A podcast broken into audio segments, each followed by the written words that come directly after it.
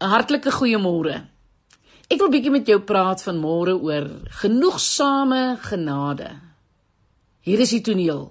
Ek en jy en 'n half dosyn ander mense vlieg in 'n gehuurde vliegtyg.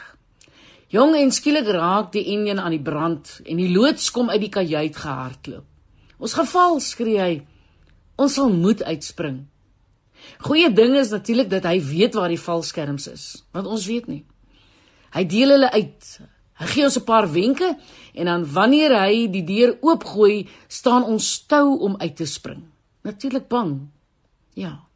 Die eerste passasier staan vorentoe en skree oor die wind: "Kan ek asseblief iets vra?" Seker sê hy, "Wat is dit?" "Is daar enige kans dat ek 'n pink valskerm kan kry?" "Ai." Die lood skud sy kop in ongeloof.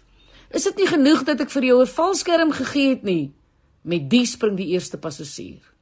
En dan Ja, dan kom die tweede ene vorentoe tot by die deur.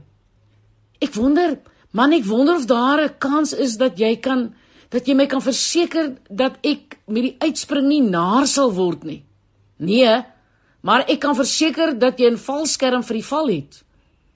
Jy sien elkeen van ons kom met 'n versoek na vore en ontvang dan 'n valskerm. Asseblief kaptein sê die een, ek is bang man, ek is bang vir hoogtes. Kan jy asseblief my vrees wegneem? Nee, antwoord hy, maar ek sal vir jou 'n valskerm gee.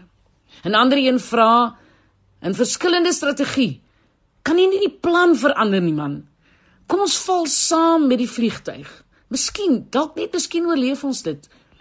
Die loods glimlag en sê, "Jy weet nie wat dit is wat jy vra nie." En dan stoot hy die ou sagkens by die deur uit. Die een passasier wil 'n bril hê, die ander een stewels en nog 'n ander een wil wag dat die vliegtuig nader aan die grond is. Ai, julle mense verstaan nie skree die loods terwyl hy een vir een help. Ek het vir julle valskerms gegee. Dit is genoeg. Net een item is nodig vir die sprong en hy voorsien dit. Hy plaas die strategiese gereedskap in ons hande. Die gawes is voldoende maar ons is ontevrede. Nee. Ons is rusteloos, ons is angstig en selfs veel eisend oor ons porsie genade. Is dit nie te dwaas om waar te wees nie? Miskien in 'n vliegtyg met loodse en valskerms, maar jong op aarde met mense in genade? Hm? Jy sien God hoor duisende pleidooie per sekonde. Sommiges is billik, Ons vra ook vir God om ons vrees weg te neem of die planne te verander. Hy antwoord gewoonlik met 'n sagte stoetjie wat ons die lig inkry, hangende so aan sy genade. Inderwaarheid vind sommige van ons uit dat ons hoogtevrees het wanneer ons bokant gevaarlike omstandighede hang, slegs aan sy genade vas. Ons sou liewer ons voete mos plat op moeder aarde wou gehad het, is dit nie? Ons wil tog sekerheid hê. Ons wil feite hê. Ons het nodig om te weet dat alles gaan uitwerk soos ons beplan het. Feit is as ons nie seker kan wees van die uiteinde van ons probleme nie, wil ons hulle liewer glad nie hê nie. Soos Paulus vra ons vir God om hulle asseblief tog net weg te neem.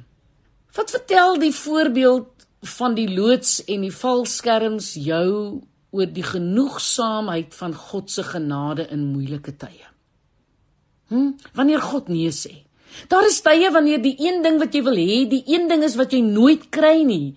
Jy jy is nie kieskeurig of veel eisend nie. Jy gehoorsaam net sy gebod om in alles jou begeertes aan God bekend te maak. En al wat jy wil hê is 'n oop deur of 'n ekstra dag of 'n gebed wat jy beantwoord wil hê. En dis bid jy en jy wag en daar's geen antwoord en jy bid en jy wag en daar's geen antwoord en jy bid en jy wag. Mag ek vir jou 'n baie belangrike vraag vra? Wat man, wat as God nee sê?